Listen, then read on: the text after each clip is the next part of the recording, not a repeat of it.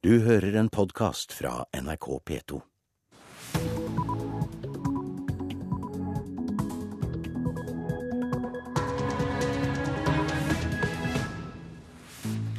Klokka er 6.30 mandag 20. august. I studio Øystein Heggen med disse overskriftene.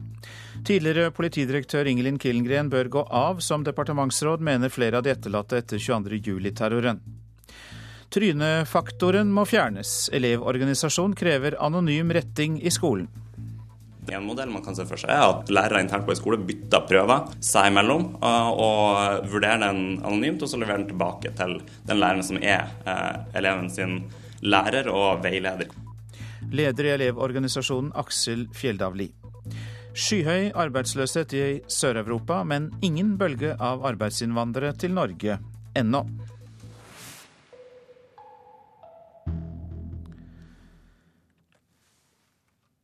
Utøya-pårørende mener at Ingelin Killengren må gå av som departementsråd i Fornyingsdepartementet etter den knusende rapporten fra 22.07-kommisjonen. Killengren var politidirektør i elleve år og sluttet noen måneder før 22.07. Flere etterlatte etter 22.07 sier de ikke har tillit til Killengren. Killengren har nå som departementsråd bl.a. ansvar for tryggleiken rundt regjeringsbygga. Flere pårørende etter 22.07 mener det er lite betryggende. En av de, Grete Fosslund Dahl, som mista dattera på Utøya, sier til VG at hun ikke har tillit til Killengren, og at det må være selvsagt at hun må gå etter kritikken mot politiet i rapporten til 22.07-kommisjonen. Kolbein Fritun, som også mista dattera 22.07, mener Killengren verken har levert som departementsråd eller politidirektør, og de får støtte fra flere etterlatne. Killengren sier til VG at hun ikke vil kommentere kritikken.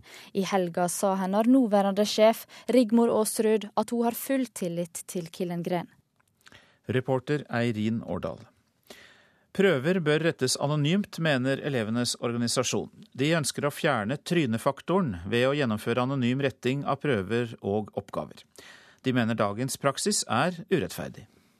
Vi ser at mange elever opplever at de får karakterer der det er andre ting enn hvor mye de kan og hvor flinke de er som gjør utslag. Altså det kan være hvilket forhold de har til læreren. Sier leder i Elevorganisasjonen Aksel Fjelldavli. Han har spurt over 500 av sine medlemmer. Flertallet vil ha anonym retting av prøver og innleveringer, og mener trynefaktor har påvirket karaktersettingen. Ja, det, det, må jo gjøres forsøk med det her for å finne ut hvordan det skal gjøres på en best mulig måte. Men en modell man kan se for seg er at lærere internt på en skole f.eks., det vil være det enkleste. Lærere internt på en skole bytter prøver seg imellom og vurderer den anonymt, og så leverer den tilbake til den læreren som er eleven sin lærer og veileder i hvordan han skal bli bedre. Men uh, ideelt sett så skulle alt vært retta anonymt, eller? Ja, uh, det kan man si at alt på en måte skulle vært retta eksternt, i hvert fall. At det er vanskelig for elevene å se hva er det som er vurdering av hvor jeg står, og hva er det som er vurdering av hvordan jeg skal bli bedre. Og den vurderinga av hvor jeg står, den burde vært, gjøres anonymt, men den vurderinga av hva skal man gjøre videre, den trengs ikke å gjøres anonymt. For det, det handler om eh, en lærer som kjenner eleven og kan gi tilbakemelding på hvordan akkurat du kan bli bedre. Men lærerne er skeptiske til forslaget, sier nestleder i Utdanningsforbundet Haldis Holst. Vi syns nok ikke at det er en så veldig god idé som hovedregel at alle prøver og innretninger skal rettes av en annen enn lærer. Men kan ikke dette være med å forhindre at f.eks. For trynefaktor eh, gjelder når karakteren settes? Jo, av og til kan det være lurt å la noen andre rette, og det skjer også. og det kan man også avtale med elever at denne prøven da bytter vi med læreren i naboklassen og lar den læreren rette det. Ja, hvilke ulemper ser dere ved å innføre dette som en fast praksis? Ja, Kanskje den største ulempen er at det vil ta veldig mye tid og ressurser, fordi at den læreren som faktisk har klassen, må likevel gå nøye gjennom prøvene for å kunne følge dem opp i undervisningssammenheng. Vil ikke dette medføre masse ekstraarbeid for lærerne? Det vil nok medføre noe ekstraarbeid for lærerne, men det å ha en rettferdig vurderingspraksis. Det er så viktig at jeg tror det er verdt det ekstra arbeidet. Ja, til slutt her, leder i Elevorganisasjonen Aksel Fjelldavli, reporter Veronica Westerin. Ja, mens norske elevorganisasjoner er opptatt av retting og norske barn tar det som en selvfølge at de skal møte opp til et nytt skoleår, så er det ganske annerledes vilkår for barn, der det er konflikter og katastrofer. Elisabeth Rasmussan, du er generalsekretær i Flyktninghjelpen, og dere mener at utdanning må settes høyere få en viktigere plass i det humanitære arbeidet. Hvorfor det? Jo, fordi utdanning er eh, For det første er det en rett. Alle barn har rett til eh, utdanning. For det andre ser vi at særlig for barn på flukt, som er så sårbare, betyr det å få et utdanningstilbud veldig mye i forhold til beskyttelse. Og så er det også sånn at utdanning er med på å utvikle mennesker og gi barn på flukt en slags normalitet i en veldig usikker hverdag. Så eh, vi ser jo også at når det gjelder utdanning for flyktninger eh, og internt fordrevne, så er det en sektor som er veldig nedprioritert. Det er ikke mer enn 2 av eh, den humanitære bistanden som går til utdanning. Og dette mener vi at det er veldig viktig å sette et søkelys på. Ja, men når jeg hører eh, humanitært arbeid, humanitær hjelp, så tenker jeg først og fremst på mat, vann og tak over hodet. Altså de livsnødvendigste tingene. Så er det ikke da unødvendig å trekke inn utdanning i dette nødhjelpsarbeidet? Nei, absolutt ikke. Fordi mennesker lever ikke av vann og mat alene. Eh, barn har behov for å utvikle seg som personer.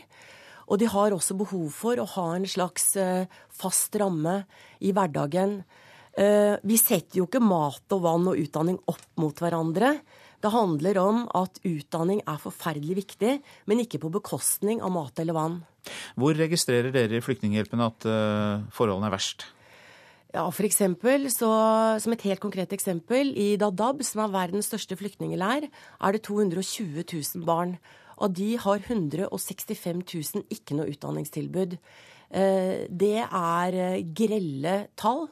I Kongo er det 275 000 barn i Øst-Kongo som ikke har utdanning, som er på flukt, men som ikke har noe utdanningstilbud. Hva gjør barna da? Ja, det er uh, forskjellige ting. Altså, de jo, mange barn må jo hjelpe foreldrene sine. Andre barn har ikke noe å gjøre. Jeg har vært i flyktningleirer hvor jeg ser at barn bare går rundt, og det, og det er veldig passifiserende. Um, og så vet vi også at barn som ikke har noe fast ramme rundt hverdagen sin, er veldig sårbare i forhold til å bli utsatt for seksuelle overgrep og for å bli rekruttert til militære grupperinger. Takk for at du kom til oss, Elisabeth Rasmusson, generalsekretær i Flyktninghjelpen, som da satte fokus på eh, de som overhodet ikke har skolestart, når eh, vi i Norge har det denne uken. Takk skal du ha. Kona til den tidligere kinesiske toppolitikeren Bo Xilai er dømt til dødsstraff for drapet på den britiske forretningsmannen Neil Hayward. Dommen mot eh, Go Kailai ble ikke fullbyrdet, og den gis to års prøvetid. Og da betyr det at hun trolig må tilbringe resten av livet i fengsel. Gå har tilstått at hun forgiftet eh, Haywood i forbindelse med uenighet om forretninger, som ifølge henne førte til at briten truet hennes sønn. Arbeidsløsheten i Sør-Europa er skyhøy, men har foreløpig ikke ført til noen bølge av arbeidsinnvandrere til Norge. Tallet på søreuropeere som kommer hit på jakt etter jobb, har hatt en kraftig økning, men de er ikke så mange. Det er likevel for tidlig å slå fast at det ikke kommer flere, mener Fafo-forsker Line Endring. Jeg tror ikke vi kan avskrive dem, men jeg tror at spådommen om at det ville komme enormt mange i år, kan vi slå fast. Det stemmer ikke, og det vil sannsynligvis ikke skje til neste år heller. Men gitt usikkerheten i en del av Europas økonomier, så skal vi ikke ta helt for gitt eh, hvordan utviklingen framover vil være. Noe tilsvarende arbeidsinnvandringen fra Øst-Europa, spesielt Polen, har hun liten tro på. Med en arbeidsledighet på opptil 25% skulle en kanskje tro at mange spanjoler, italienere, grekere eller portugisere ville søke seg nordover. Og det har vært en kraftig økning. Men de er ikke mange. En grunn er at uh, det er ikke noen tradisjon for søreuropeere i å komme til Norge. Avstand, kultur og språk gjør terskelen høy. I fjor var det 1600 personer fra Hellas, Spania og Portugal som registrerte seg her i landet med arbeid som hensikt. Det viser tall fra UDI. Og det er 500 flere enn året før. NRK har tidligere snakket med en av dem som håpet på en fremtid her, Ana Ferreira fra Portugal. We wanted to get out hero zone, and uh, we thought Norway it would be um, the wisest choice for Norge fremstår for mange som et land med store muligheter. Choices, for, the, for. Også hos Nav har tallene gått opp. Der har de registrert 300 arbeidsløse eller tiltaksdeltakere fra Portugal, Spania og Hellas. 65 flere enn for ett år siden. Men innvandringen fra sør er fortsatt småtteri i forhold til den fra øst. 14 500 polakker registrerte seg som arbeidssøkende hos politiet i fjor. En viktig grunn til at det har kommet så mange fra Polen, er eh, forskjellene i lønns- og levestandard. Sier Line Eldring. Det er mye å tjene på å reise til Norge. Foreløpig så har det nok vært sånn at den avstanden ikke har vært stor nok til at uh, man har villet ta kostnadene, altså både økonomisk, personlig og sosialt, med å flytte til Norge fra Spania. Og det var Katrin Hellesnes som var reporter. Ja, god morgen til deg, Erling Kornkveen. Du er divisjonsdirektør i bemanningsselskapet Adecco. Og eh, dere føler jo på dette markedet fra time til time nærmest. Og i hvilken grad merker dere noe interesse fra Sør-Europa? Det vi merker nå, er at uh, det er flere søreuropeere som kommer og registrerer seg hos oss som arbeidssøkere. Men vi ser sånn som Line Eldring i Fafo sier her, at det er ganske store utfordringer med de som kommer fordi at uh, veldig få av de kommuniserer på engelsk, og i hvert fall ikke norsk. Og da ser vi som veldig store utfordringer med å få de ut i, i arbeid. Så hvilke jobber er det det er mulig å få uh, disse søreuropeerne inn i? Det vi har sett hittil, er det at vi har hatt noen titalls portugisere som har jobba som elektrikere. Det har vi veldig bra erfaring med. Og der er også erfaring for at de snakker engelsk og, og kan kommunisere. Men det vi ser som det største potensialet, er hvor det er ekstremt behov i Norge, eh, det er innenfor IT og engineering. Hvor det er et stor underdekning i Norge, og veldig mye kompetent personell som finnes eh, da i spesielt Spania og Portugal. Er det sånn at dere i Adecco er opptatt av å få flere søreuropeere hit eh, nettopp med den kompetansen? Ja, fordi at sånn som det er situasjonen i Norge i dag, så er det vel at når du rekrutterer, så fisk, det er omtrent som å fiske sammen en lille fiskedam. du får en lønnsspiral som, er, som bare øker og øker. Og vi er avhengig av å få kompetanse inn i Norge. Og det her ser vi som en mulighet, på lik linje som vi da importerte bygningsarbeidere i starten av 2000-tallet til, til, Norge. Så virkningen eh, kan da bli eh, en eh, lavere regning på IT-arbeid og elektrisk arbeid hvis du får inn flere flinke elektrikere og IT-folk fra Sør-Europa? Jeg tror ikke lavere, men jeg tror at du kan få to effekter. Du kan få mer normal lønnsvekst, sånn som vi hadde innenfor bygg.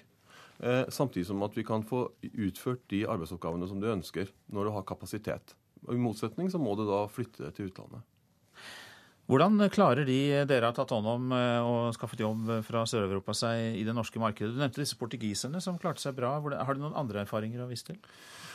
Nei, eh, utfordringen nå er vel litt som, som vi hadde i starten når vi starta fra Øst-Europa. Og det er det at Bedrifter er veldig skeptiske. Jeg kan ta en veldig kort historie fra når vi starta med polske bygningsarbeidere. Da leverte vi tre polske bygningsarbeidere til en eh, byggeplass, veldig stor byggeplass her i Oslo. Og når da kollegaene der oppdaga at de her var polske, så stoppa de byggeplassen. Og det her var da tilbake i 2002, og sa da at byggeplassen den går ikke videre før de her er borte. Vi omplasserte de.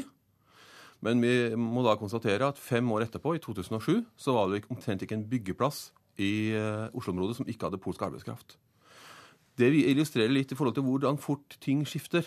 Og jeg tror vi er også i en situasjon her hvor det har noen land i Europa nå som har en ekstrem eh, tilgang på arbeidskraft. Du har arbeidsledighet på over 20% men ungdomsarbeidsledigheten er mye mye større. Så det er veldig mye nyutdanna her, som kanskje hvor ungdomsarbeidsledigheten i, opp mot 50% de vil søke seg ut. Og Hvis vi gjør noen tilpassinger her, det går på at vi må kanskje være litt mer åpen for eh, utenlandsk arbeidskraft, kanskje retta mot annet enn Øst-Europa.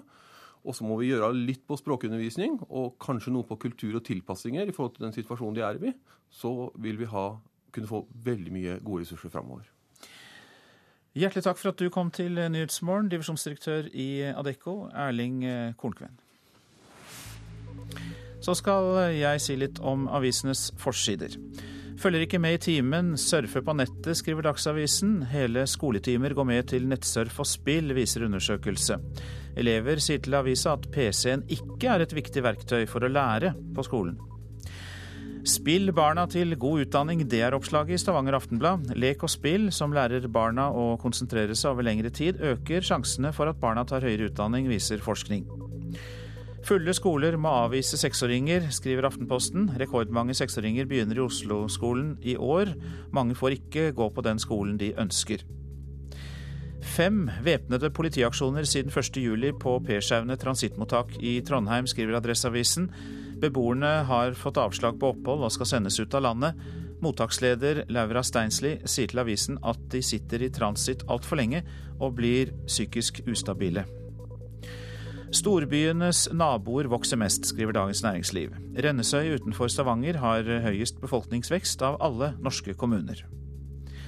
Sykehusene i Oslo skulle aldri vært slått sammen, sier professor Bjørg Marit Andersen ved Ullevål universitetssykehus. Hun eh, sier det til Vårt Land, og mener at kostnadene øker mens pasientsikkerheten blir dårligere. Bygdefolk vil gi mer makt til kommunene, skriver Nasjonen. Dobbelt så mange på bygda som i byen vil øke lokalt selvstyre, viser spørreundersøkelse. Målinger lammer staten, er oppslaget i Klassekampen. Politiet er ikke alene om å preges av detaljstyring, sier lederen i Norsk tjenestemannslag, John Leirvåg. 530 kritiske meter fra T-banen til barnehagen, skriver Dagbladet, som omtaler politiets siste vurderinger etter forsvinningen av Sigrid Giskegjerde Skjetne i Oslo. Den sterkt overvektige skuespilleren Jørgen Foss, som spilte Pitbull-Terje, tar privat fedmeoperasjon fordi han er redd for å dø i operasjonskø. Det er dagens oppslag i VG. Kobra kan skyte oss til gull, sier Tromsø-trener Per-Mathias Høgmo til Nordlys. Tsjekkeren Sednek Ondrasek sendte Tromsø til semifinale i cupen etter 1-0-seier mot Bodø-Glimt. Pokalen skal hjem, er oppslaget i Bergensavisen til bildet av den hjemvendte fotballhelt Erik Huseklepp. For Brann går også til semifinale, etter 4-3 mot Strømsgodset.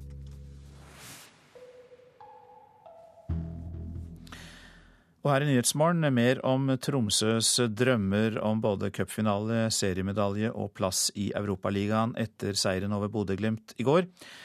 Nok en gang så var det da, som vi hørte i presserunden, den tsjekkiske toppskåreren som ble avgjørende. Da er det 1-0 til eh, hjemmelaget. Og det er eh, Ondrasek, toppskåreren i Tromsø. Med sitt tolvte mål for sesongen sendte toppskårer Sedenjek Ondrasek Tromsø til klubbens første semifinale på ni år. Uh, is uh, important cup. And finally, I think in Oslo, na national stadium, 25,000 people. Uh, I want this. It's perfect. Tsjekken har altså fått med seg at en finale på Ullevål er en fest. Trener Per-Mathias Høgmo er strålende fornøyd med at TIL nå kan gå mot tidenes høst. Nå har vi spilt oss frem altså, til en fenomenal posisjon med, med playoff på, eh, på torsdag. Vi spiller om Euroleague-gruppe, og vi spiller om semifinale om Ullevål litt senere i høst. Og fortsatt har vi heng i serien, så det er en formidabel jobb av, eh, av TIL.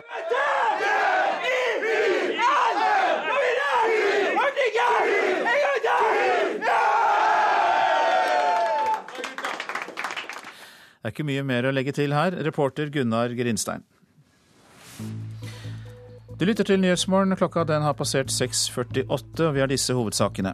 Tidligere politidirektør Ingelin Killengren bør gå av som departementsråd, mener flere av de etterlatte etter 22.07-terroren. Trynefaktoren må fjernes. Elevorganisasjon krever anonym retting i skolen. Skyhøy arbeidsløshet i Sør-Europa, men ingen bølge av arbeidsinnvandrere til Norge ennå. Men som vi hørte en av lederne i Adecco sa i Nyhetsmorgen, de kan komme etter hvert. Ulovlig prissamarbeid om bensin blir gransket av Konkurransetilsynet. Det er Norges Automobilforbund som har etterlyst konkurranse mellom bensinstasjoner, og leder i NAF Bodø og omegn, Knut Jensen, har mistanke om ulovlig prissamarbeid. Det er jo veldig rart samtlige bensinstasjoner i Bodø klarer å legge seg nesten på øret likt gang på gang på gang. Når vi har spurt dem, så har de sagt at ja, vi kjører rundt for å sjekke prisene på de andre stasjonene. Da må de kjøre ofte rundt. Veien mellom Bodø og Tvellane er ca. to mil lang. Langs denne strekninga ligger seks bensinstasjoner. Da NRK tirsdags ettermiddag sjekka forhandlerne, var prisene på bensin og diesel identisk hos alle seks. Knut Jensen, leder i NAF avdeling Bodø og omegn, mener de like prisene kan være et uttrykk for et ulovlig prissamarbeid. Jensen mener det ikke eksisterer en sunn konkurranse bensinstasjonene imellom. I Bodø er det en manglende konkurranse. De er altfor opptatt av å holde samme, samme pris, sånn at de slipper å tape penger på å konkurrere med hverandre. Men Pål Heldås, informasjonssjef i Statoil Fuel and Retail, er uenig med NAF-lederen. Heldås kan fortelle at Statoil har fokus på å lære opp og følge forhandlere for å forhindre ulovlig prissamarbeid, men at denne typen virksomhet ikke er noe de er plaga med. Ja, prissamarbeid er forbudt. Det er fullstendig uakseptabelt. Og vi både overvåker og lærer opp våre forhandlere, sånn at det ikke skal forekomme. For det, vi skal drive forretningen vår på, på lovlig måte, og det gjør vi. Informasjonssjefen kan også fortelle at alle drivstofforhandlerne nå følges tett av Konkurransetilsynet. Konkurransemyndighetene har vært og hentet inn enorme mengder prisdata fra bensinstasjonskjedene nå nydelig, og, og vil uh, gjøre seg opp en mening om hvordan dette fungerer. og Det er ikke så lenge siden vi gjorde det sist heller. Så vi er under streng kontroll fra myndighetene når det gjelder prisfastsettelse i bensinmarkedet. Overvåkinga av drivstofforhandlerne kan avdelingsdirektør i Konkurransetilsynet Ingrid Kjelstad Gullaksen bekrefte. Tilsynet undersøker nå muligheten for ulovlig prissamarbeid i drivstoffmarkedet, og dette regnes som en av deres prioriterte saker. Vi har i drivstoffmarkedet mottatt flere påstander om prissamarbeid. Hvordan kan Konkurransetilsynet undersøke forhold omkring prissamarbeid mellom drivstoffforhandlere? Vi har sterkt søkelys nettopp på dette markedet, og hvis vi skulle motta konkrete holdepunkter som indikerer et mulig prissamarbeid i bensinmarkedet, så vil vi selvfølgelig åpne etterforskning. Men Knut Jensen i NAF mener dette ikke er nok. Forhandlerne må bevise at de ikke er redd for en sunnere konkurranse dem imellom, og Jensen vet hvordan dette kan foregå. Det hadde vært veldig hyggelig om en eller annen stasjonseier hadde vært så tøff at han senka prisene en dag, for å virkelig vise at det går an å ha konkurranse på drivstoffsalg. Prøv en gang og se hva som skjer. Du kan risikere å bli veldig populær. Reporter her var Katrine Olsen Sørgaard. Kvinnen som hevder at hun kan være Edvard Munchs barnebarn, får DNA-hjelp av Munchs norske arvinger. I alle offisielle papirer står det at Edvard Munch var barnløs, men i går kveld fortalte NRK om en 72 år gammel amerikansk nonne som kan være malerens barnebarn. Det er jo morsomt for oss som er en såpass liten familie, sånn nedadgående fra Edvard Munch og den familien, hvis, hvis dette er sant, da. Og hun er jo enda nærmere, så det er jo bare morsomt. Det sier Elisabeth Munch Ellingsen, en av Edvard Munchs norske arvinger. Ifølge alle offentlige papirer døde den verdenskjente maleren barnløs. Men i går kveld fortalte NRK om den 72 år gamle amerikanske nonnen Janet Webber, som hevder at hun kan være kunstnerens barnebarn.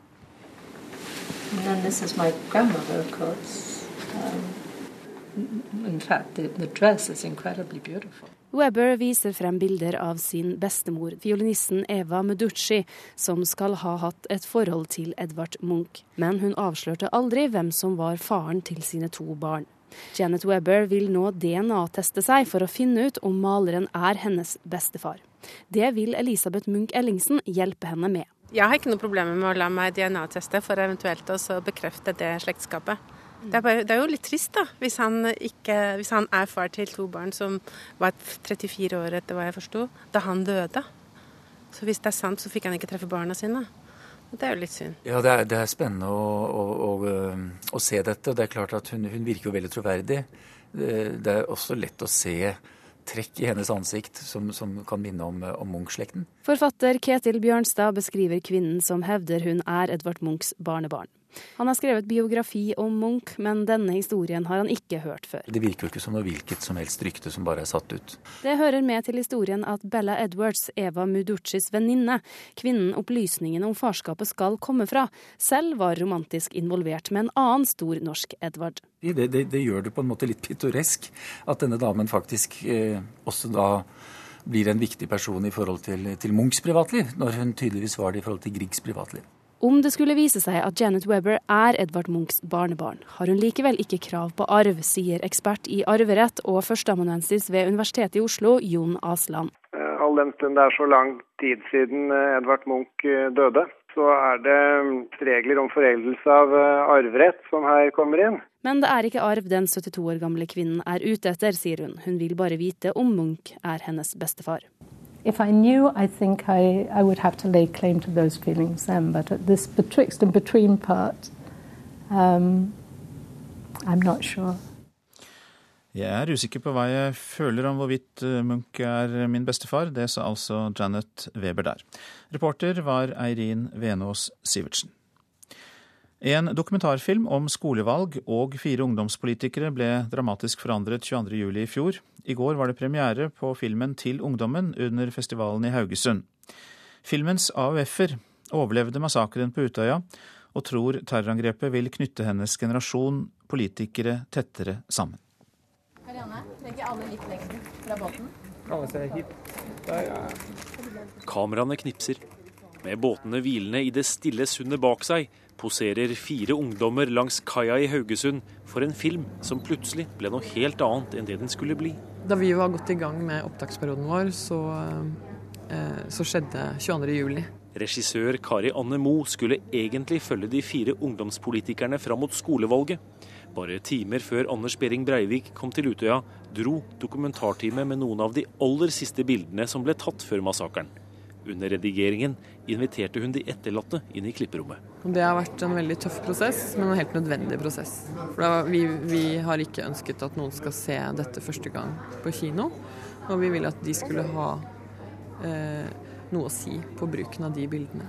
Først og fremst så har de syntes det har vært godt å se barna sine, og har eh, vært glad for å se at de har hatt det så bra på Utøya før alt det grusomme. Han ser oss. Han ser meg i øynene nå. Filmens AUF-er, Johanne Butensjøen Lindheim, overlevde Utøya-massakren.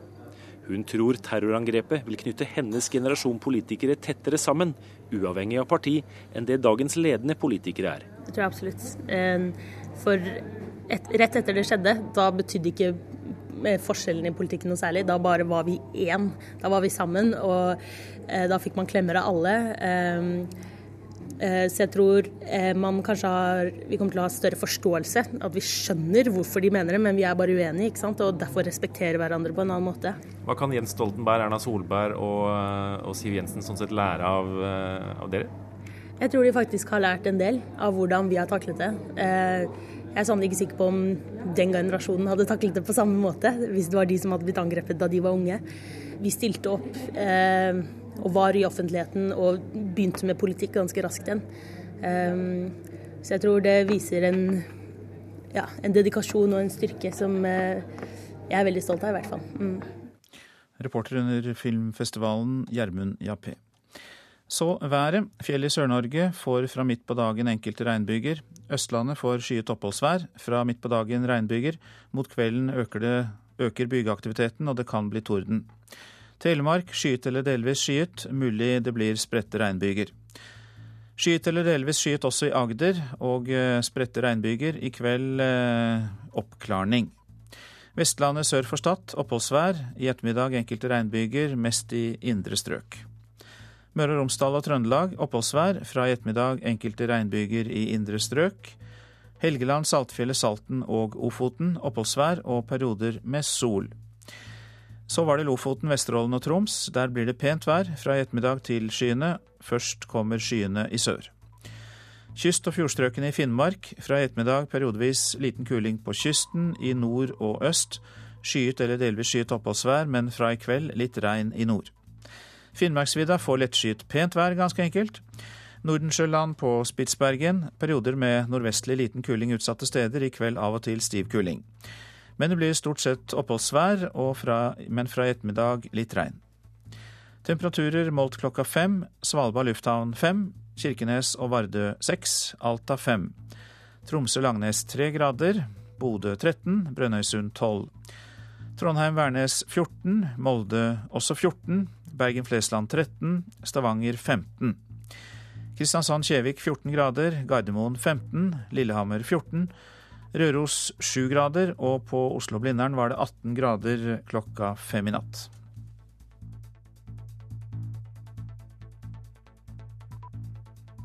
Du hører en podkast fra NRK P2.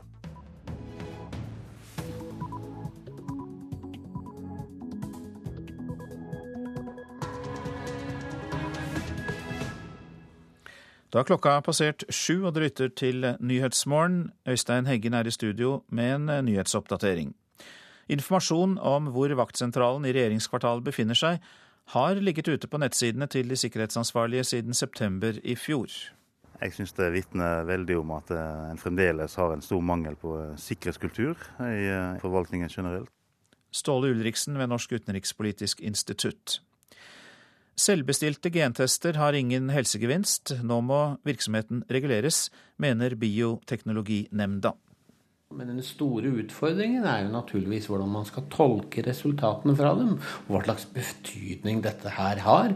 Særlig for oss som bor i et land med et meget velutviklet helsevesen. Lars Ødegård, leder i Bioteknologinemnda. Trynefaktoren må fjernes. Elevorganisasjon krever anonym retting i skolen. Kvinnen som hevder at hun kan være Edvard Munchs barnebarn, får DNA-hjelp av Munchs norske arvinger. Det er jo morsomt for oss eh, som er en såpass liten familie, som eh, nedadgående fra Edvard Munch og den familien, hvis, hvis dette er sant, da. Og hun er jo enda nærmere, så det er jo bare morsomt. Elisabeth Munch Ellingsen. Skyhøy arbeidsløshet i Sør-Europa, men ingen bølge av arbeidsinnvandrere til Norge ennå. Nyhetsmorgen. Lokaliseringen av den nye vaktsentralen til regjeringskvartalet har ligget offentlig tilgjengelig på internett i snart et år. En farlig tabbe, mener sikkerhetsekspert. 22.07-kommisjonen beskrev i sin rapport vaktsentralen som svært viktig. Jeg skal bare vise deg et bilde her. Dette er fra nettsidene deres. Nettsidene til Departementenes servicesenter. De som er ansvarlig for sikkerheten i regjeringskvartalet. Kan du lese hva det står på, på den nettsiden der? Jeg ber direktør i DSS, Kjell Arne Knutsen, om å lese høyt. Det jeg kjenner jo til eh, omtalen av Eh, hvor, og vaktsentraler og, mm. og, hvor vi er nå etterpå. Det handler om vaktsentralen, der hvor sikkerhetsvaktene via kamera overvåker alt som skjer i kvartalet. Der hvor de 22.07 meldte fra at det sto en varebil utenfor Høyblokka, og senere sikret bilder av varebilen og gjerningsmannen. Etter 22.07 ble den flyttet fra kjelleren i Høyblokka til et annet bygg. Hvor den nå ligger, har DSS selv hatt ute på sine hjemmesider i snart ett år. Den uh, informasjonen ble lagt ut tror bare et par-tre dager etter 22.7. Og det umiddelbare som skjedde etter 22.7, var at generelt var det nok et raskt ønske om å informere rundt omkring hvor finner man de ulike tjenestene i regjeringskvartalet. Ja, det er en ganske stor tabbe. Sier forsker og sikkerhetsekspert ved Sjøkrigsskolen og Norsk utenrikspolitisk institutt, Ståle Ulriksen. Hvis en, skal, hvis en skal, angripe noen, så er det jo viktigst å slå ut uh, kommunikasjonssentraler, operasjonssentraler og de som faktisk har kommandoen. Klarer en det, så blir det veldig vanskelig for den som blir angrepet å agere og, og, og, og slå tilbake eller å gjøre noe som helst. Så Derfor er det naturlig å gå på de først. Det er fornyings- og administrasjonsminister Rigmor Aasrud som har ansvaret for sikkerheten i regjeringskvartalet. I februar, da hun la fram planene for gjenoppbygging, sa hun at den samme blokka er et usikkert bygg. Det er her sikkerheten for alle departementene styres fra. Ja, det er jo ikke en hemmelig opplysning, men det er klart at vi må tenke gjennom alle sånne ting. Og det vitner, minner meg om at vi må tenke sikkerhet i alt vi gjør i departementene og i våre underliggende etater, og da er det eh, fornuftig å ikke ha den type opplysninger liggende ute for offentligheten. Etter at eh, NRK gjorde dere kjent med det, så har dere fjernet det fra nettsiden. Hvorfor det? Vi fjernet den i dag eh, raskt fordi at mener generelt at vi skal ligge lavt eh, rundt og formidle dette her, så er det også rimelig at vi ikke har den liggende ute på sidene. Sikkerhetsekspert Ståle Ulriksen sier han er overrasket over at dette har ligget ute på hjemmesidene til DSS i ett år. Han sier de som har ansvaret for sikkerheten ikke har tatt alvoret etter 22.07 inn over seg. Men det er mer enn uheldig. Altså det, det demonstrerer at, at uh, selv hos de som skal ivareta sikkerheten her, så har en ikke en innarbeida sikkerhetskultur i måten en opererer på. Reporter Ellen Omland. Og um, Ole Eivind Henden, du er kommentator i NRK. Ja, hvordan vurderer du disse informasjonene om uh, vaktsentralen? Ja, Det føyer seg jo inn i et bilde om at vi er veldig glad i å informere i dette landet. Det, det, har vi sett før, at statlige institusjoner har fortalt om hvor sikkerhetsanlegg, vaktsentraler, operasjonssentraler ligger helt konkret. Det har, det har skjedd tidligere hos Forsvaret, og nå ser vi at det skjer eh, her. Det er jo en eh, manglende kultur knytta til eh, sikkerhet, som er blitt avslørt av 22.07-kommisjonen, og som igjen får et, et lite utropstegn her. Nå sa jo statsråd Aasrud at de må tenke sikkerhet i alt de gjør, men det skjer da likevel. Hva tror du da er viktig å sette i verk for å stramme inn? Ja, Én ting er jo å snakke om det og si at vi må tenke sikkerhet. En annen ting er å gjøre det. Dette er tunge Eh, strukturer, det er, det er, kultur som må endres. Og det å endre en kultur, det vet alle som har prøvd det i eh, en bedrift eller for så vidt i en familie, at det er tunge strukturer å gjøre noe med. Det tar tid, og det krever noe mer enn ord. Det krever holdningsendring.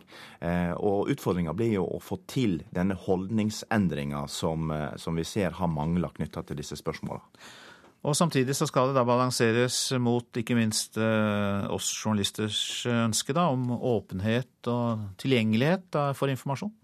Ja, det er jo et dilemma. Vi ser jo det at uh, tidligere, denne, eller i forrige uke, tok jo Aftenposten sjølkritikk på at de hadde vært ute på leierplass og sagt at stenging av Grubbegata var tull, så sent som i 2007. Eh, pressa har jo eh, holdt fana høyt knytta til åpenhet, knytta til gjennomsiktighet, og kanskje av og til så må en se at det er eh, forhold som må vike i forhold til eh, sikkerhetsspørsmål. I denne uken, nærmere bestemt fredag, så faller dommen i saken mot Anders Behring Breivik. Og jeg tror vi skal si noe om hva som kommer til å skje den dagen. Ja, det har jo eh, nærmest blitt litt lenger bak i, eh, i hovedet på mange nå. Men fredag så kommer altså dommen. Eh, da får vi vite om Behring Breivik er tilgjengelig eller utilgjengelig i forhold til hvordan retten vurderer dette. Eh, dommer Arntzen vil klokka ti lese slutningen, altså eh, resultatet av den vurderinga, eh, for så å lese sjølve dommen.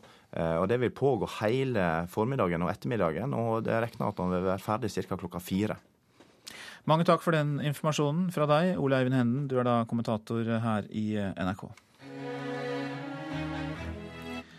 Nå til gentester, for de har ingen helsegevinst, mener eksperter, mens selskapene som tilbyr testene via internett, lover at de kan forebygge sykdom. Bioteknologinemnda krever at markedsføring av testene må reguleres, slik at de ikke lover mer enn de kan holde. Journalist Nina Lødemel har selv bestilt gentest på internett. Så sender du inn prøve til analyse, og så kan du se på resultatene dine på internett. Flere og flere bestiller genetiske selvtester over internett. De skal fortelle deg hvor stor sjanse du har for å få bl.a. kreft og alzheimer. Når du liksom får en mail om at eh, nå er, den, nå er skanninga di klar, så var det jo litt hjertebank, må jeg si. Og det ble litt sånn eh, klikkese, sånn, litt sånn panisk mellom de forskjellige sykdommene for å se hva jeg hadde økt risiko for. Leder i Bioteknologinemnda Lars Ødegård mener slike tester kan sykeliggjøre friske mennesker, og resultatene må behandles varsomt. Fordi det er krevende å tolke resultatene av disse gentestene. For både arv og miljø spiller en rolle. Leder ved avdeling for medisinsk genetikk ved Oslo universitetssykehus, Dag Undlien, sier at dagens tester ikke kan forebygge sykdom. Hvis du går til eh, disse selskapene og tror at nå skal jeg få muligheten til å forbedre min egen helse, så vil jeg si at da, da, bør du bruke pengene dine på noe annet enn å ta disse selvtestene. Bioteknologinemnda mener at styresmaktene nå må klargjøre regelverket både når det gjelder etikk og markedsføring. Og vi må da finne måter å regulere denne virksomheten også på, Sånn at den faktisk holder den standarden som vi mener må til i Norge for at folk ikke skal bli lurt, og for at uh, disse kommersielle aktørene faktisk er nødt til å bevise at uh, de holder det de lover når de selger en tjeneste, en vare, til det norske publikum. Statssekretær i Helse- og omsorgsdepartementet Ragnhild Mathisen sier at de ser på innspillene til nemnda i samband med evalueringa av bioteknologilova. Ja, det mener jeg vi skal gjøre. fordi det blir jo stadig flere muligheter, som jeg sier, og mer tester som blir tilgjengelig på nettet. Så dette er absolutt ting vi bør se på, og også se på mulighetene for, for internasjonalt samarbeid på dette området. Nina Lødemel fikk sine resultat vurdert av en ekspert fordi hun er journalist. Men for andre tror hun det er verre. Det er jo kanskje lett å bli litt hypokonder, og det kan være lett å ha lyst til å gå til legen din for å spørre om veldig mange ting. Jeg tenker at det blir veldig stor belastning på eh, allmennlega hvis de skal få spørsmål om det her annenhver dag. Så det tar jo opp mye plass i helsevesenet, tenker jeg. Og hun har ett råd etter å ha testa seg. Rett og slett ikke gjør det. Fordi det er så vanskelig å tolke det sjøl. Ja, journalist Nina Lødemel sa det til reporter eh, Tone Gullaksen. Vi har med oss eh, overlege ved Senter for medisinsk genetikk ved Haukeland sykehus, Torunn Fiskerstrand. God morgen. God morgen, ja. Du er i Bergen, i studio der. og eh, Hva mener du om at gentester nå kan bestilles ja, praktisk talt av alle over internett? Eh, vel, eh, jeg mener at her er det da kommersielle firmaer som har sett en nisje hvor man da kan eh, tjene penger. Eh, folk flest vil jo gjerne holde seg friske, eh, og tester som da lover deg at du skal få kunnskap som gjør at du kan forbedre helsen din og forebygge sykdom, det er jo noe som blir oppfattet som et gode av de aller fleste. Men både som spesialist i arvelige sykdommer og som en som selv forsker på genetiske årsaker til sykdom, så er jeg da veldig skeptisk til disse. Det som flere her har nevnt, så har vi per i dag altfor liten kunnskap til å kunne gi risikovurderinger for enkeltindivider. Men eh, hvis jeg f.eks. da, for å ta en sykdom som ikke er slett ikke er uvanlig, sukkersyke, får man vite at man har en kanskje større risiko for å få den, skal man jo sette inn et støt på sin egen helse og virkelig jobbe med å prøve å unngå det. Da opplever jo jeg det som noe positivt. Ja, men hvilke støt skal du sette inn, da? Altså For diabetes type 1 f.eks., så er det ikke noe du egentlig kan gjøre for å forhindre at du skal kunne få den sykdommen. Men det som er et veldig stort poeng, det er at disse firmaene de tester for noen veldig få varianter for f.eks. sukkersyke, hvis du snakker om type 1. Mm. Eh, og så tolker de det på en måte alt det er verdt. Eh, og saken er den at vi har 22 000 eh, gener ca. Og eh, det vil være mange varianter gjennom hele ditt DNA som vil kunne påvirke den risikoen din. Og Når de da tester for kanskje bare et par varianter, som til og med gir en veldig liten risikoøkning, så sier det seg selv at tolkningen fort kommer på ville veier. Bioteknologinemnda vil jo da ha et strengere regelverk. og Hva ligger i det, tror du? Ehm, vi har jo en bioteknologilov i Norge som da setter eh, begrensninger for eh, gentesting av friske mennesker, eh, med tanke på å gi en risiko for sykdom. Den sikrer at man skal få en tilstrekkelig veiledning før man tar en slik test. Ehm, og det som er saken, det er jo at folk må jo få, voksne mennesker må jo få ta de testene de ønsker, det være seg denne her typen tester eller andre. Men det som er hovedbekymringen for Bioteknologinemnda, og også for meg, det er dette med gentesting av barn. Og det burde etter min mening ikke være tillatt å sende prøver av sine barn til utlandet for gentesting, i og med det at disse testene rett og slett ikke er til å stole på. De holder ikke ikke det de lover. Så du ikke, går ikke inn for noe forbud for voksne, men at du da faktisk vil ha et forbud for å teste barn? Ja, jeg mener at eh, et voksent menneske må ta eh, de avgjørelser som eh, man synes for seg selv. Men å sende inn prøver for å teste andre, altså på vegne av andre enn seg selv, det mener jeg ikke burde være tillatt. Men hvordan er reguleringene i andre land? Ehm, det er nok litt forskjellig, og enn så lenge så opererer nok disse firmaene i en gråsone. Men både Den europeiske eh, eh, foreningen for human genetikk og også tilsvarende organisasjon i USA jobber med retningslinjer for disse firmaene, nettopp fordi at det medisinsk-genetiske miljøet er skeptisk til den til dels aggressive markedsføringen som de driver med. Mange takk for at du var med i Nyhetsmorgen, Torunn Fiskerstrand, som da er overlege ved Senter for medisinsk genetikk ved Haukeland sykehus. Professor Karen Helene Ultveit Moe tror at Hellas snart ryker ut av eurosamarbeidet, så lenge Hellas ikke klarer å tilfredsstille kravene fra EU og eurosonen, er det en naturlig utgang, sier Ultveit Moe til avisa Nasjonen. Kystverket vil komme med et refusjonskrav på 85 millioner kroner mot rederiet Eimskip, skriver Aftenposten. Kravet kommer etter at det islandske skipet Godafoss gikk på grunn på Hvaler i fjor. Rundt 105 tonn olje lekket ut etter eh, havariet. Australia satser på å bli en av de største innen produksjon av skiferolje og gass, skriver Finansavisen. Landets første skifergassbrønn vil komme i produksjon i løpet av året. Statoil gikk i sommer inn i et samarbeidsprosjekt om letelisenser i det australske nordterritoriet. Klokka den har passert kvart over sju. Dette er hovedsaker i Nyhetsmorgen. Informasjon om hvor vaktsentralen i regjeringskvartalet befinner seg, har ligget ute på nettsidene til de sikkerhetsansvarlige siden september i fjor. Tidligere politidirektør Ingelin Killengren bør gå av som departementsråd, mener flere av de etterlatte etter 22.07-terroren. Og kvinnen som hevder at hun kan være Edvard Munchs barnebarn, får DNA-hjelp av Munchs norske arvinger.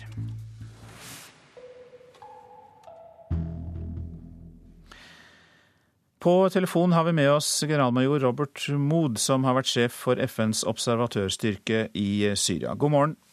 God morgen. Nå er det slik at muslimene har markert slutten på fastemåneden ramadan i helgen, men i Syria så la jo borgerkrigen en demper på feiringen. Likevel så, så man da president Bashar al-Assad offentlig. Han var da i moskeen, og eh, det er ikke noe som lenger skjer så ofte. Kan det tolkes slik at han føler at han har mer kontroll nå? Det kan nok til en viss grad tolkes som om han har mer kontroll, men jeg tror vi like gjerne kan tolke det som uttrykk for at uh, han må bevare ansikt. Han må tviholde på sin ære, for å bruke det uh, begrepet. Og som et ledd av det, så er han nødt til å vise at han har kontroll, at han kan gjøre normale ting for en president, og at han ikke er redd for uh, opprørerne og deres aktiviteter. Det har vært eh, kamper med mange drepte også i helgen. Eh, det er kommet rapporter om at britiske og tyske agenter spionerer til fordel for opprørerne. Hva skal vi legge i den type informasjon, eh, Mod? Vi har jo sett i løpet av de siste fem-seks ukene en utålmodighet gro fram blant en del nøkkelland i forhold til støtte til opprørerne.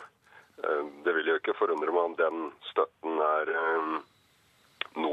aktiv enn bare med kommunikasjonsutstyr og, og, og råd. Men jeg har ikke noe grunnlag for å, å bekrefte eller, eller, avkrefte at det er eh, denne type la oss si, mer direkte støtteaktiviteter eh, satt i gang i Syria. Men det vil ikke forundre meg om eh, denne type aktiviteter vil, vil øke i tiden som kommer. Observatørmandatet til FN gikk jo ut uten særlig resultat. Eh, vil du konkludere med at engasjementet var helt mislykket, eller hvordan vurderer du det? Vurderingen min er, helt klar at uh, denne sekspunktplanen, Kofi Annans sekspunktplan, uh, den er per i dag mislykket. Den, den, fungerer ikke. Det er mye godt i den som uh, Lakhdar Brahimi kan, kan, bringe med seg videre, men planen som sådan er mislykket. Det som var veldig vellykket for FN, det var jo at man fikk på plass en observatørstyrke som spredde seg utover Syria eh, i rekordtempo i løpet av eh, eh, tre uker fra vedtaket ble fatta. Slik at verktøyet ble gjort tilgjengelig for partene, men dessverre så valgte de da ikke å bruke det verktøyet som en del av sekspunktplanen. De valgte i stedet å fortsette å slåss. Ja, Du nevnte den algeriske diplomaten Lakhdar Bra Brahimi, som er utnevnt som FNs nye spesialutsending. Hvilke sjanser tror du han har til å lykkes? Jeg tror ikke sjansene er uh, veldig store. De er uh, enda mindre nå enn de var i mars-april, når uh, Kofi Annan satte i gang sitt engasjement for fullt. Men det er absolutt ikke umulig. og Lakhdar Brahimi har jo vært en helt sentral mann i forhold til å reformere måten FN gjennomfører og tenker om fredsoperasjoner på i etterkant av stygge episoder for FN, som, som Rwanda og Srebrenica. Han, han, er jo bak den såkalte Brahimi-rapporten som kom i år 2000, hvor han peker fremover. Så med hans innside FN-erfaring og diplomatiske erfaring, så er det klart eh, det er fortsatt muligheter for å få til noe, men det fordrer at Bashar al-Assad og opprørerne bestemmer seg for å bygge en syrisk fremtid eh, basert på, på dialog og mindre voldsbruk. Mange takk for at du var med oss i Nyhetsmorgen, generalmajor Robert eh, Mood. Jordan innkalte søndag Syrias ambassadør for å protestere mot at fire syriske raketter tidligere på dagen landet på jordansk territorium. En ung jente ble såret da rakettene landet i et boligområde. Fire andre ble fraktet til sykehus med sjokkskader. Kona til den tidligere kinesiske toppolitikeren Bo Xilai, hun heter da Go Kailai, har blitt dømt til dødsstraff for drapet på den britiske forretningsmannen Neil Haywood. Dommen blir ikke fullbyrdet, men det gis to års prøvetid. Det betyr at hun trolig må tilbringe resten av livet i eh, fengsel. En elleve år gammel jente med Downs syndrom er blitt pågrepet og fengslet for blasfemi i Pakistan. Ifølge politiet og aktivister er hun anklaget for å ha brent sider med vers fra Koranen. Organisasjonen Women's Action Forum fordømmer pågripelsen og krever at hun blir løslatt umiddelbart. Grunnleggeren av Wikileaks, Julian Assange, takket i London i går Ecuadors folk og landets ledere for å ha tatt standpunkt for det han kalte rettferdighet. Mye har dermed skjedd i Latin-Amerika etter at de fleste landene ble styrt av høyreorienterte diktatorer som hadde kommet til makten etter militærkupp og brudd på menneskerettigheter. And a courageous Latin took a stand for justice. Når Ecuador nå står frem som en forsvarer av ytringsfrihet og rettssikkerhet, så kan det sies å være et bevis på at verden går fremover, men ikke nødvendigvis. Riktignok ville det på 80-tallet vært helt utenkelig at en venstreradikal og vestlig intellektuell sto frem og hyllet regjeringen i landene syd for Rio Grande, slik Wikileaks-gründeren Julian Assange gjorde fra sitt eksil på balkongen til den ecuadorianske ambassaden i London i går. And so I am grateful to those people and governments of Argentina, Bolivia, Brazil, Chile, Colombia, El Salvador, Honduras, Mexico, Navn som Pinochet og Galtieri, Strøsner og Somoza, Banzer og Rios Mont med flere tok ikke akkurat standpunkt for rettferdighet. Snarere tvert imot. Tusenvis av demokratiforkjempere og regimemotstandere ble likvidert. Enda flere kastet i fengsel uten lov og dom. Mange torturert og lemlestet. Når situasjonen i dag tilsynelatende er en annen, har det flere forklaringer. Den aller første er at mange land i Latin-Amerika i dag har venstreorienterte presidenter. Mange av dem hadde i unge år personlige erfaringer med totalitære regimer som var støttet av USA. Politisk asyl til Assange, som frykter å bli utlevert til nettopp USA og anklaget for spionasje, er derfor et lite, men symbolsk takk for sist til nordamerikanerne. At dette kan skje i USAs hovedstad til uken, setter en ekstra spiss på et eventuelt vedtak. This Friday, there will be an emergency meeting of the foreign ministers of Latin America in Washington, D.C. to address Nå skal det sies at forskjellige latinamerikanske land alltid har hatt lav terskel når det gjelder å innvilge asylsøknader fra hardt pressede politiske personligheter. Og man kommer ikke utenom den nye og gryende konflikten mellom Storbritannia og Argentina over Falklandsøyene. Britenes politikk oppfattes som gammelimperialistisk og arrogant. Asyl innvilges ikke i et vakuum, og det er all grunn til å tro at dette spiller inn når Argentina-allierte Ecuador nå gjør livet vanskelig for britene. Sa utenriksmedarbeider Joar Hoel Larsen. Nå til dagens aviser. Følger ikke med i timen, surfer på nettet, skriver Dagsavisen. Hele skoletimer går med til nettsurf og spill, viser undersøkelse. Elever sier til avisa at PC-en ikke er et viktig verktøy for å lære på skolen. Spill barna til god utdanning, det er oppslaget i Stavanger Aftenblad. Lek og spill som lærer barna å konsentrere seg over lengre tid, øker sjansene for at barna tar høyere utdanning, viser forskning. Fulle skoler må avvise seksåringer, skriver Aftenposten. Rekordmange seksåringer begynner i Stor-Oslo i år, og mange får ikke gå på den skolen de ønsker. Fem væpnede politiaksjoner siden 1.7 på Pershaugne transittmottak i Trondheim, skriver Adresseavisen. Beboerne har fått avslag på opphold og skal sendes ut av landet.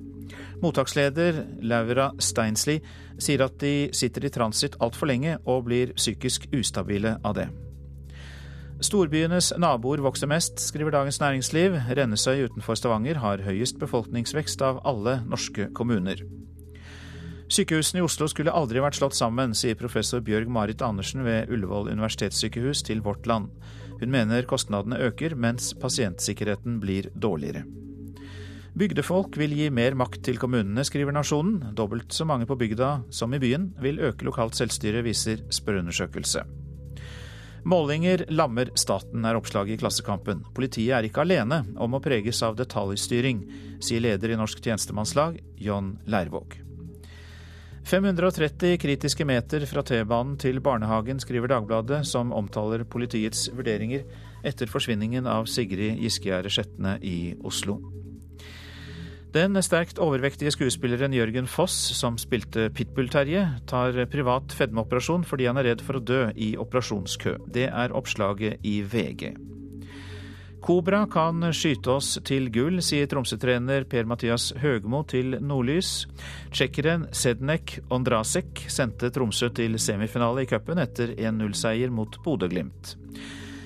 Pokalen skal hjem, er oppslaget i Bergensavisen til bildet av den hjemvendte fotballhelt Erik Huseklepp. Og Brann går til semifinale etter 4-3 mot Strømsgodset.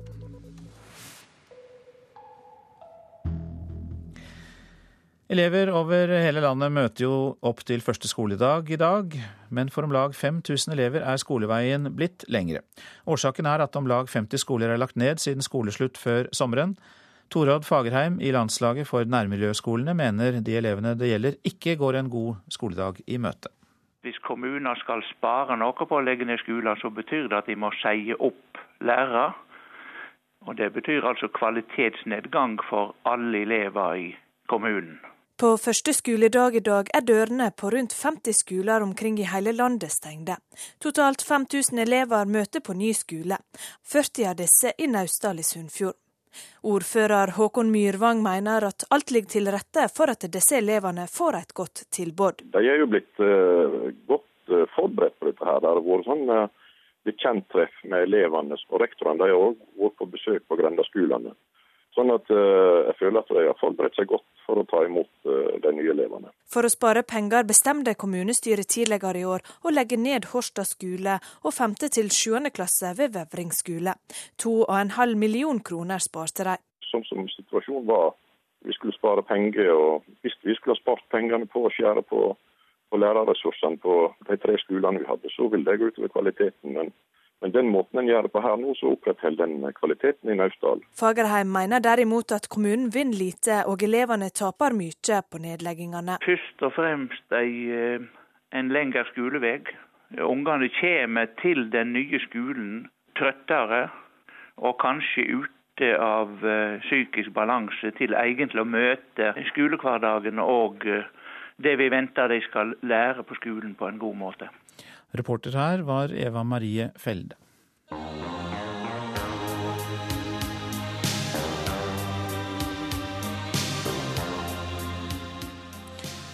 Så har vi fått inn melding om at den britiske filmskaperen Tony Scott er død. Scott, som er kjent som regissør for filmer som Top Gun, som vi hører musikk fra her, og Crimson Tide, hoppet i døden søndag fra en bro over Los Angeles Harbour. Scott ble sett da han parkerte bilen på brua før han hoppet i vannet like rundt klokka halv ett på dagen lokal tid. Det melder nyhetsbyrået Reuters. Og eh, Tony Scott ble 68 år gammel. Du lytter til eh, Nyhetsmorgen. Produsent i dag Ane Gjørem. Her i studio Øystein eh, Heggen. Etter Dagsnytt skal vi høre om det fryktede Alcatraz-fengselet i San Francisco-bukta, der det faktisk arrangeres gjenforeninger for fanger og fangevoktere.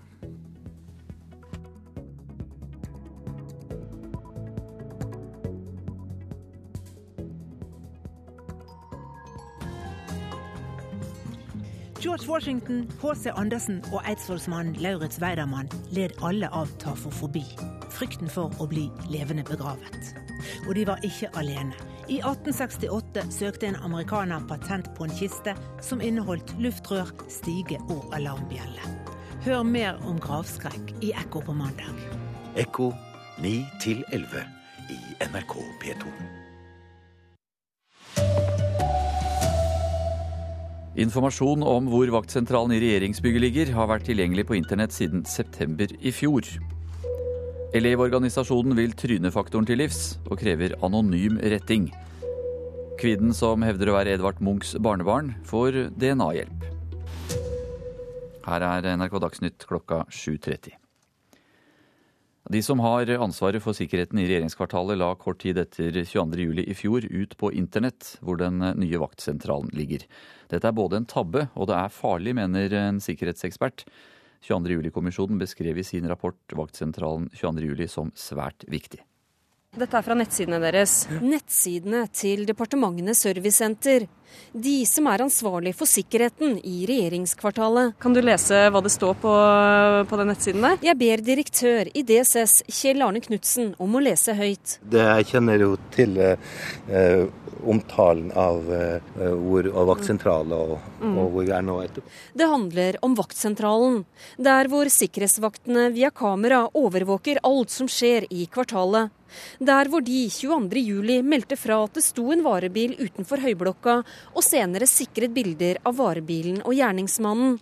Etter 22.07 ble den flyttet fra kjelleren i Høyblokka til et annet bygg. Hvor den nå ligger, har DSS selv hatt ute på sine hjemmesider i snart ett år. Den uh, informasjonen ble lagt ut tror bare et par-tre dager etter 22.7. Ja, det er en ganske stor tabbe. Sier forsker og sikkerhetsekspert ved Sjøkrigsskolen Ståle Ulriksen. Hvis en skal angripe noen, så er det jo viktigst å slå ut uh, kommunikasjonssentraler, operasjonssentraler. Det er fornyings- og administrasjonsminister Rigmor Aasrud som har ansvaret for sikkerheten i regjeringskvartalet. I februar, da hun la fram planene for gjenoppbygging, sa hun at den samme blokka er et usikkert bygg. Det minner meg om at vi må tenke sikkerhet i alt vi gjør i departementene og i våre underliggende etater, og da er det fornuftig å ikke ha den type opplysninger liggende ute for offentligheten. Jeg syns det vitner veldig om at eh, en fremdeles har en stor mangel på eh, sikkerhetskultur i eh, forvaltningen generelt. Reporter her, det var Ellen Omland. Flere av de etterlatte etter 22.07-terroren mener tidligere politidirektør Ingelin Killengren må gå av som departementsråd i Fornyings-, administrasjons- og kirkedepartementet. Killengren var politidirektør i elleve år, før hun forlot stillingen i februar i fjor. Den harde kritikken mot politiet i 22.07-kommisjonens rapport kostet etterfølger Øystein Mæland jobben, mens Killengren i helgen fikk full tillit fra sin nåværende sjef, fornyingsminister Rigmor Aasrud. Gentester som kan bestilles på internett har ingen helsegevinst, sier ekspertene. Men flere av selskapene som tilbyr slike tester, lover at de kan forebygge sykdom. Markedsføringen av testene bør reguleres, slik at de ikke lover mer enn de kan holde, mener Bioteknologinemnda. Nina Lødemel er en av dem som har bestilt en gentest på internett. Så sender du inn prøver til analyse, og så kan du se på resultatene dine på internett. Flere og flere bestiller genetiske selvtester over internett. De skal fortelle deg hvor stor sjanse du har for å få bl.a. kreft og alzheimer. Når du liksom får en mail om at eh, nå er skanninga di klar, så var det jo litt hjertebank, må jeg si. Og det ble litt sånn klikkelse, sånn, litt sånn panisk mellom de forskjellige sykdommene for å se hva jeg hadde økt risiko for. Leder i Bioteknologinemnda Lars Ødegård mener slike tester kan sykeliggjøre friske mennesker, og resultatene må behandles varsomt. Det er krevende å tolke resultatene av disse gentestene. For både arv og miljø spiller en rolle. Leder ved avdeling for medisinsk genetikk ved Oslo universitetssykehus, Dag Undlien, sier at dagens tester ikke kan forebygge sykdom. Hvis du går til eh, disse selskapene og tror at nå skal jeg få muligheten til å forbedre min egen helse, så vil jeg si at da, da bør du bruke pengene dine på noe annet enn å ta disse selvtestene. Bioteknologinemnda mener at styresmaktene nå må klargjøre regelverket både når det gjelder etikk og markedsføring. Vi må ha klare regler for hvordan markedsføringen skal foregå i Norge, slik at en faktisk eh, kan holde det en lover når en går ut og tilbyr disse testene for salg. Nina Lødemel har ett råd etter å ha testa seg. Rett og slett ikke gjør det. Det er så vanskelig å tolke det sjøl. Reporter Tone Gullaksen. Prøver bør rettes anonymt, ja det mener elevenes organisasjon. De ønsker å fjerne trynefaktoren ved å gjennomføre anonym retting av prøver og oppgaver. Leder i Elevorganisasjonen Aksel Fjellavli mener dagens praksis er urettferdig. Mange elever opplever at uh, trynefaktor har uh, mye å si for uh, hvilken karakter de får. og det, det, er urettferdig, og det fører til at vurderingspraksisen ikke, ikke gjenspeiler hva elevene kan, men ofte hvordan forhold de har til eh, læreren, f.eks. Så til eh, Kina, for en eh, kinesisk domstol har dømt kona til en av landets mektigste politikere til døden for drap på en britisk forretningsmann. Dommen er siste kapittel i en av Kinas største politiske skandaler. En gruppe journalister protesterer heftig når de ikke får vite hva dommen ble. Advokaten til den drepte britiske forretningsmann gir etter. Han forteller at Gu Kai-lai er dømt til døden. Så legger han til at hun vil få en prøvetid på to år. Det betyr at dersom hun oppfører seg fint, så blir straffen omgjort til livsvarig fengsel. Dommen i Kina er siste kapittel i landets største politiske skandale på mange år. Det er kona til en av Kinas mektigste menn som nå er dømt. Gu Kai Lai har tilstått at hun drepte den britiske forretningsmannen Neil Haywood med cyanid på et hotellrom i november. De var venner og forretningspartnere. Gu Kai Lai var gift med den mektige borgermesteren Bo Xilai. Han var tiltenkt en lysende karriere i kommunistpartiet, men den drømmen er nå knust. Nå kan han bli dømt for å ha forsøkt å stanse politiets etterforskning av kona. Sa reporter Dag Bredvei. Kvinnen som eh, hevder hun kan være Edvard Munchs barnebarn, får eh, DNA-hjelp av Munchs norske arvinger. I alle offisielle papirer så står det at Edvard Munch var barnløs. Men i går kveld fortalte NRK om en 72 år gammel amerikansk nonne som kan være malerens barnebarn. Det er jo morsomt for oss eh, som er en såpass liten familie, som nedadgående fra Edvard Munch og den familien, hvis, hvis dette er sant, da. Og hun er jo enda nærmere, så det er jo bare morsomt. Det sier Elisabeth Munch Ellingsen, en av Edvard Munchs norske arvinger. Ifølge alle offentlige papirer døde den verdenskjente maleren barnløs. Men i går kveld fortalte NRK om den 72 år gamle amerikanske nonnen Janet Webber, som hevder at hun kan være kunstnerens barnebarn. And this is my grandmother, of course. Um, in fact, the, the dress is incredibly beautiful. Weber viser frem bilder av sin bestemor, den kjente fiolinisten Eva Meducci, som skal ha hatt et forhold til Edvard Munch. Janet Weber vil nå DNA-teste seg for å finne ut om maleren er hennes bestefar. Det vil Elisabeth Munch Ellingsen hjelpe henne med. Jeg har ikke noe problemer med å la meg DNA-teste for eventuelt å bekrefte det slektskapet. Om det skulle vise seg at Janet Webber er Edvard Munchs barnebarn, har hun likevel ikke krav på arv, sier ekspert i arverett og førsteamanuensis ved Universitetet i Oslo, Jon Asland. Eh, noen juridiske rettigheter er det ikke snakk om. Eh, all den stund det er så lang tid siden eh, Edvard Munch døde, så er det regler om foreldelse av arverett som her kommer inn. Reporter her, Eirin Venås Sivertsen. Strømsgodset-trener Ronny Deila var forbanna på dommer Svein Olva Moen etter 3-4-tap mot Brann i går. En utvist spiller og straffemål imot gjorde at cupeventyret nå er over for serielederne. Nei, Det avgjorde kampen. Det er 30 minutter igjen. Vi spiller på Brann stadion mot et godt fotballag. Det blir for mye løping til slutt, og da, da, da detter, vi, detter vi sammen. Strømsgodset spilte best fotball, men hadde marginene imot seg. To gule kort til Abdisalam Ibrahim. Første er feil, og det andre er riktig.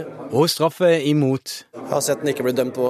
Ødela sjansene for avansement i kvartfinalen mot Brann, ifølge Deila. Jeg blir selvfølgelig jævlig forbanna, enkelt og greit.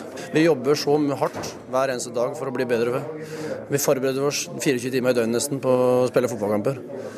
Og Da er det i hvert fall viktig at vi, at vi får det vi fortjener. Dommer Svein Oddvar Moen forsvarer avgjørende, og var godt fornøyd med egen innsats etter kampen. Ja, vi er veldig godt fornøyd. Jeg tror vi treffer på det meste. så Jeg tror ikke vi skal tenke så mye på det. Første gul er en stoppe positiv overgangsmulighet, og det andre er hensynsløs takling. Straffesituasjonen? Ja, det er hens. Altså, han løfter armen. Som på banen så er det hens. Straffespark. Nå er det staden Brann som går til semifinale. Og Fredrik Nordkvelde levner ingen tvil om hvem han vil møte. Vi tar det vi får, men Hødd er jo forhåpentligvis lettere å slå enn de andre. Reporter Johannes Moland. Ragnhild Bjørge var ansvarlig for sendingen. Hanne Lunås teknisk ansvarlig. Jeg heter Anders Borgen Werring. Ja, din radiomorgen fortsetter med Nyhetsmorgen på P2 og Alltid nyheter. Det en gang så fryktede og fruktsikre Alcatraz-fengselet midt i San Francisco-bukta er i dag en populær turistattraksjon. Men ikke bare det. Fra tid til annen arrangeres det gjenforeningsbesøk. Tidligere fanger og tidligere fangevoktere mimrer om gamle, men kanskje ikke så gode dager. Nesten 50 år etter at det føderale høysikkerhetsfengselet ble nedlagt, har Alcatraz fortsatt en plass i amerikansk bevissthet og populærkultur. I filmer og TV-serier, i bøker og musikk. Fra 1933 til 1963 huset Fangøya noen av USAs farligste menn, som Scarface Al Capone, fuglemannen Robert Stroud, Alvin Creepy Carpis, George Machine Gun Kelly og Robert Luke. Mm-hmm. So when that cell door slams shut, it's a sound that I'd never heard before in prison. And it sounds like uh, it's the end of the earth when the cell door slams shut. Når de fjernstyrte celledørene slamra igjen, var det lyden av verdens ende, sier Robert Luke. En tilsynelatende fredseilbamse på 85 år. En rekke væpna bankran gjorde at han fikk kost og losji på Alcatraz i fem år, fra 1954 til 1959. Cella var halvannen ganger tre meter, og da Luke satte fyr på den og ødela alt sammen, ble han kledd naken og fikk en måneds isolat som straff. Besøk fikk han maks en gang i måneden, og overgangen til å bli sluppet løs på gata i San Francisco ble enorm. Alcatraz, no no radio. Nobody tells you what's going on out there. So you're cut off from the world when you're here. That's one of the bad things about it. So when I left after five years, uh, it was just like walking out into a new world. You know, the going through San Francisco that first day, and the noise and the movement and the people, it was just really kind of overwhelming. I våre dager går turistbåter i skytteltrafikk ut til Alcatraz, og 1,3 millioner mennesker besøker øya hvert år. Noen få av dem har vært der før, for de siste åra har det blitt arrangert flere gjenforeningsfester, der fanger og fangevoktere møtes på en litt annen måte enn i gamle dager. So, very controlled setting, very small groups. They were not allowed to speak to us. We couldn't speak to them. Um, you know, but we saw them all the time. Vi fikk ikke lov å snakke med fangene, de fikk ikke lov å snakke med oss, men vi så hverandre hele tida, mimrer Jolene Babjak. Hun vokste opp på Alcatraz fordi faren hennes var fangevokter.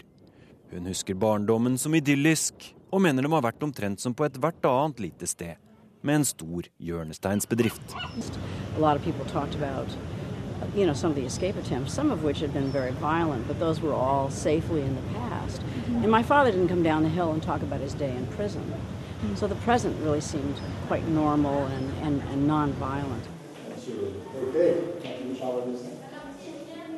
Når turistene på Alcatraz skjønner at gamle Robert Luke kjenner øya bokstavelig talt fra innsida, må den tidligere fangen pent posere for fotografering. Han forstår ikke helt at det beryktede fengselet kan ha blitt slik en berømt turistattraksjon. Prison. So the. My wife understands it, but I don't understand it. Uh, although I can see why it is. because it's so famous. But uh, uh, it doesn't bother me to come back now. I mean, I can walk. I walk anywhere I want and do whatever I want, and I can leave when I want, which is really the nice part. If I couldn't leave, then I wouldn't like it. Nå plager det meg ikke å komme tilbake hit, for nå kan jeg dra igjen når jeg vil. Hadde jeg ikke kunnet det, så hadde jeg ikke likt meg noe særlig, innrømmer den pensjonerte bankrøveren.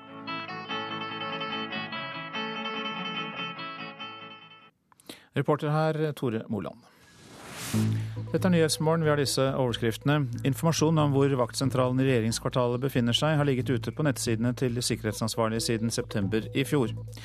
Utøya pårørende mener at Ingelin Killengren må gå av som departementsråd i Fornyingsdepartementet etter den knusende rapporten fra 22.07-kommisjonen. Og den britiske filmskaperen Tony Scott er død, regisserte bl.a. filmen Top Gun. Ja, nå viser klokka Politisk kvarter. Øk fartsgrensen og redd liv på veiene. Det er vel påstander som føder debatter hos deg, programleder Bjørn Myklebust. Påstanden kommer fra FrPs Bård Hoksrud. Et av svarene han fikk i helgen var Hoksrud har mange gode ideer. Dette er ikke en av dem.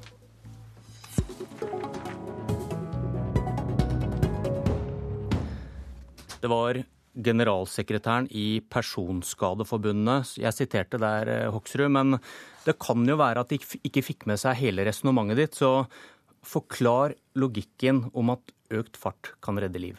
Jeg tror det er viktig å ha med seg at jeg ønsker ikke å øke farta på alle veiene i Norge. Men vi har en del motorveier i Norge, 350 km ca. Vi har en del veier med midtdelere, og der er det fullt mulig å øke farta uten at det går utover trafikksikkerheten. Eh, og det vi vet, er at i Danmark så har man altså øka fartsgrensen på motorveiene fra 110 til 130. Gjennomsnittsfarta var 120. Den har gått opp med 1-3 km. Men altså ulykkene, dødsulykkene har gått kraftig ned i Danmark. Så det viser at det er mulig å gjøre, ha to tanker i huet på en gang. Både å øke fartsgrensene og at ulykkene går ned, fordi folk får respekt for de fartsgrensene som er der. Men, så fordi folk bryter loven, så skal man sette opp farta? Nei, det handler ikke om at fordi folk bryter loven, men det handler faktisk om at folk eh, ser at det er fornuftig å ha den fartsgrensa man har på motorveiene. Eh, og så er det en del steder hvor det er ufornuftig. F.eks. hvis man kjører på E18 nedover eh, Agder-Telemark, så er det altså 70 km på store deler av strekningen. Kjører man av veien, kommer på en dårlig eh, humpete vei, så er det også 80 km. Og da lurer folk på hva er grunnen til at man har satt de fartsgrensene man har. Gorm Kjernli fra Arbeiderpartiet, du sitter i transportkomiteen på Stortinget sammen med Hoksrud. og Ble du overbevist nå? Nei. Eh, først vil jeg si at det er gledelig at eh, dødstallene på veiene går ned i Norge. 168 mista livet i fjor. Det er det laveste siden 1954. Men vi har fortsatt en jobb å gjøre, og derfor mener jeg at det er en dårlig idé. Og det er to elementer ved det. Vi vet at fart er en av hovedårsakene til eh, dødsulykker. Det blir for lettvint, som Hoksrud sier, at det å øke fartsgrensene vil føre til færre ulykker. Fartsgrensene er jo ikke tilfeldig satt. Eh, de er jo satt på bakgrunn av nøye vurderinger. Eh, og man har kommet fram til at på motorveien i Norge så er 100 km i timen fornuftig. Og så Det andre elementet det her føyer seg jo inn i rekka av eh, forslag fra Fremskrittspartiet. De er motstandere av fotobokser. Eh, de er motstandere av strekningsvis ATK, eller det vi kaller da gjennomsnittsfartsmålinger, som vi vet har dokumentert virkning på å få ned ulykkestallene. Eh, og I valgkampen i 2009 så foreslo de også å legge ned UP. Har, har han et, vikarier, har han et vikarierende motiv, mener du? Frislipp på veiene? Jeg, jeg, vet ikke om han har et vikarierende uh, motiv, men jeg mener at uh, det her er feil vei å gå. Hvis man uh, samtidig sier at man er opptatt av trafikksikkerhet. Summen av alle de tingene som Fremskrittspartiet foreslår, mener jeg viser at Fremskrittspartiet ikke tar trafikksikkerheten men, men Det Gorm Kjernli sier, det stemmer jo faktisk ikke. Altså, det er sånn at Veidirektoratet har foreslått å øke fartsgrensene på norske motorveier til 110 km.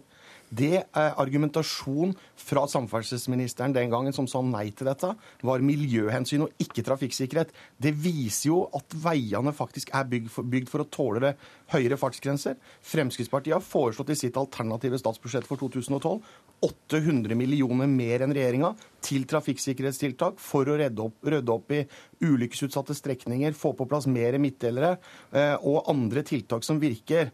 Og det Hele poenget er at vi må ha fartsgrenser som er i tråd med det veien er bygd for. Så Derfor så handler det ikke om at man skal øke fartsgrensa overalt, men det viser altså at vi har bygd motorveier i Norge som er bygd for 130 km, akkurat på samme standard som i Danmark. Ulykken har vist seg å gå ned ved å øke fartsgrensa.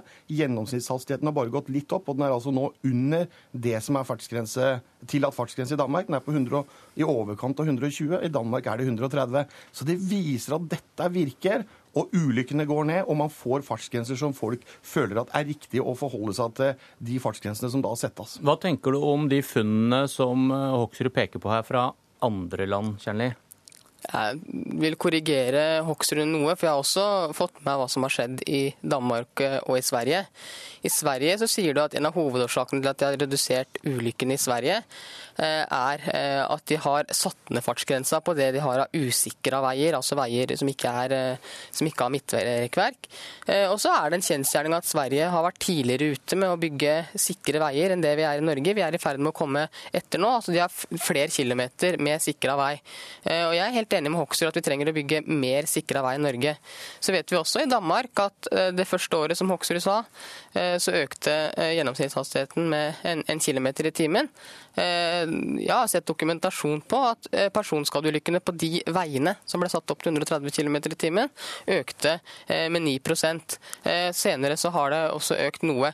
Det er ikke sikkert det er en sammenheng mellom at dødstallene i Danmark og Sverige går ned, og det at man har økt fartsgrensen. Det kan være en rekke andre ting Eh, som, som, spiller inn. Og det vi vet, og som er dokumentert, vel dokumentert, er at økt fart gir eh, økt risiko for eh, ulykker med tragisk utfall. Hoksrud, dere er politikere fra forskjellige partier og skal per def være uenige. Men vi hørte da fagfolkene i Transportøkonomisk institutt på lørdag si at høyere fartsgrenser fører til flere stygge ulykker, og det finnes det dokumentasjon på.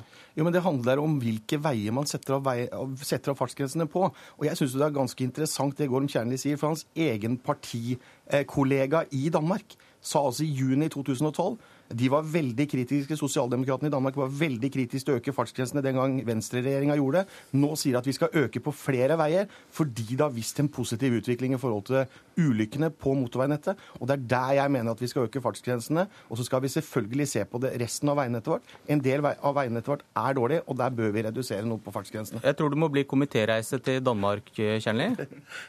Jeg kan godt ta en komitéreise til Danmark. Dere er litt uenige om fakta her? Ja, vi er nok litt, litt uenige om fakta. Eh, det er nok også sånn at, eh, at eh, Hoksrud snakker om å øke respekten for fartsgrenser. Det argumentet kan jo også snus rundt og si at det, at det, å øke farten vil minske respekten for at høy fart tar liv. Jeg tror heller ikke Hoksrud er uenig med meg i at det er vel dokumentert at høyere fart gir økt risiko for ulykker. Gjennomsnittshastigheten på eh, de motorveiene vi har i Norge har holdt seg stabil i hele den perioden vi har hatt 100 km i timen. Og Det mener jeg tyder på at dagens fartsgrenser er satt riktig, både ut ifra hva folk forventer. Men, Kjernli, men med din logikk så burde man kanskje sette ned fartsgrensen fra 100 til 80, da? For det ville ført til færre stygge ulykker, eller? Det kunne, ha, det kunne, man ha, sagt, samtidig som fartsgrensene jo, eh, skal jo hensynta ulykker. Eller skal også hensynta framkommelighet og, og mobilitet. Eh, når man har satt fartsgrensene, som jeg sa tidligere, så er det på bakgrunn av nøye vurderinger. Man har funnet, eh, kommet fram til at det som er den optimale fartsgrensa, når man skal hensyn til alle disse tingene, både framkommelighet, men ikke minst trafikksikkerhet, så er 100 km i timen et men, riktig nivå. Men, men det, er jo, det er tull det du sier nå, Gorm Kjerni. Altså, denne regjeringa bygger 17 km midtdeler i år, 11 km motorvei. Det er altfor lite, og vi kan sette opp fartsgrensene på motorveiene. Og det vil bli færre ulykker. Det er overbevist om, og det viser dokumentasjon fra Danmark. Ok, dere får dra på studietur.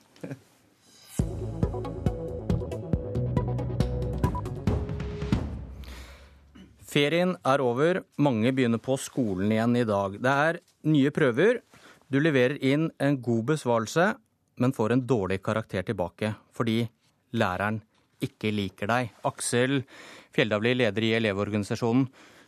Tror dere så dårlig om norske lærere? Nei, det her er jo på en måte en mistillitserklæring til lærerne. Uh, jeg, jeg, tror ikke vi kan gå rundt og tro at alle lærere er perfekte. Uh, vi trenger et, et, system som sikrer uh, at vurderinga elevene får, er rettferdig. For dere vil ha anonym retting av prøver, som vi hørte om i morges. Mm. Det ønsker vi, og det, handler om rettferdighet for, for elevene. For det er hva elevene kan som skal utgjøre karakteren de får, ingenting annet. og dessverre så er det sånn at for mange elever så er det andre ting enn hva de kan som gjør utslaget. Hvordan vet du det? Blant annet så gjennomførte vi en undersøkelse blant elever i forrige uke der 62,5% av elevene svarte at de mente at trynefaktor var en uh, avgjørende faktor i hvilken karakter de fikk på minst én av karakterene de fikk til sommeren. Men er det et bevis på at det er lærerne som tar feil? Det er en subjektiv vurdering fra misfornøyde elever? Ikke, ikke nødvendigvis er det sånn at alle de her elevene uh, At det er læreren som har tatt feil i, i alle tilfellene, men jeg mener at det her tallet er såpass klart at man ser at det er uh, en del av de vurderingene som blir gjort av lærer, som Eh, som der det er andre faktorer enn hva elevene kan, som, eh, som gjør utslaget. Haldis Holst, nestleder i Utdanningsforbundet, som representerer landets lærere. Er det mistillit mot lærerne du hører her? Ja, nå sier jo Elevorganisasjonen at det ikke er det. Og det, det, håper jeg at det ikke er. For noe av det aller viktigste i vurderingsarbeid, som vi kan være enige om at er kjempeviktig for elevene, og er kjernen i lærernes arbeid, det er at det bygger på gjensidig tillit.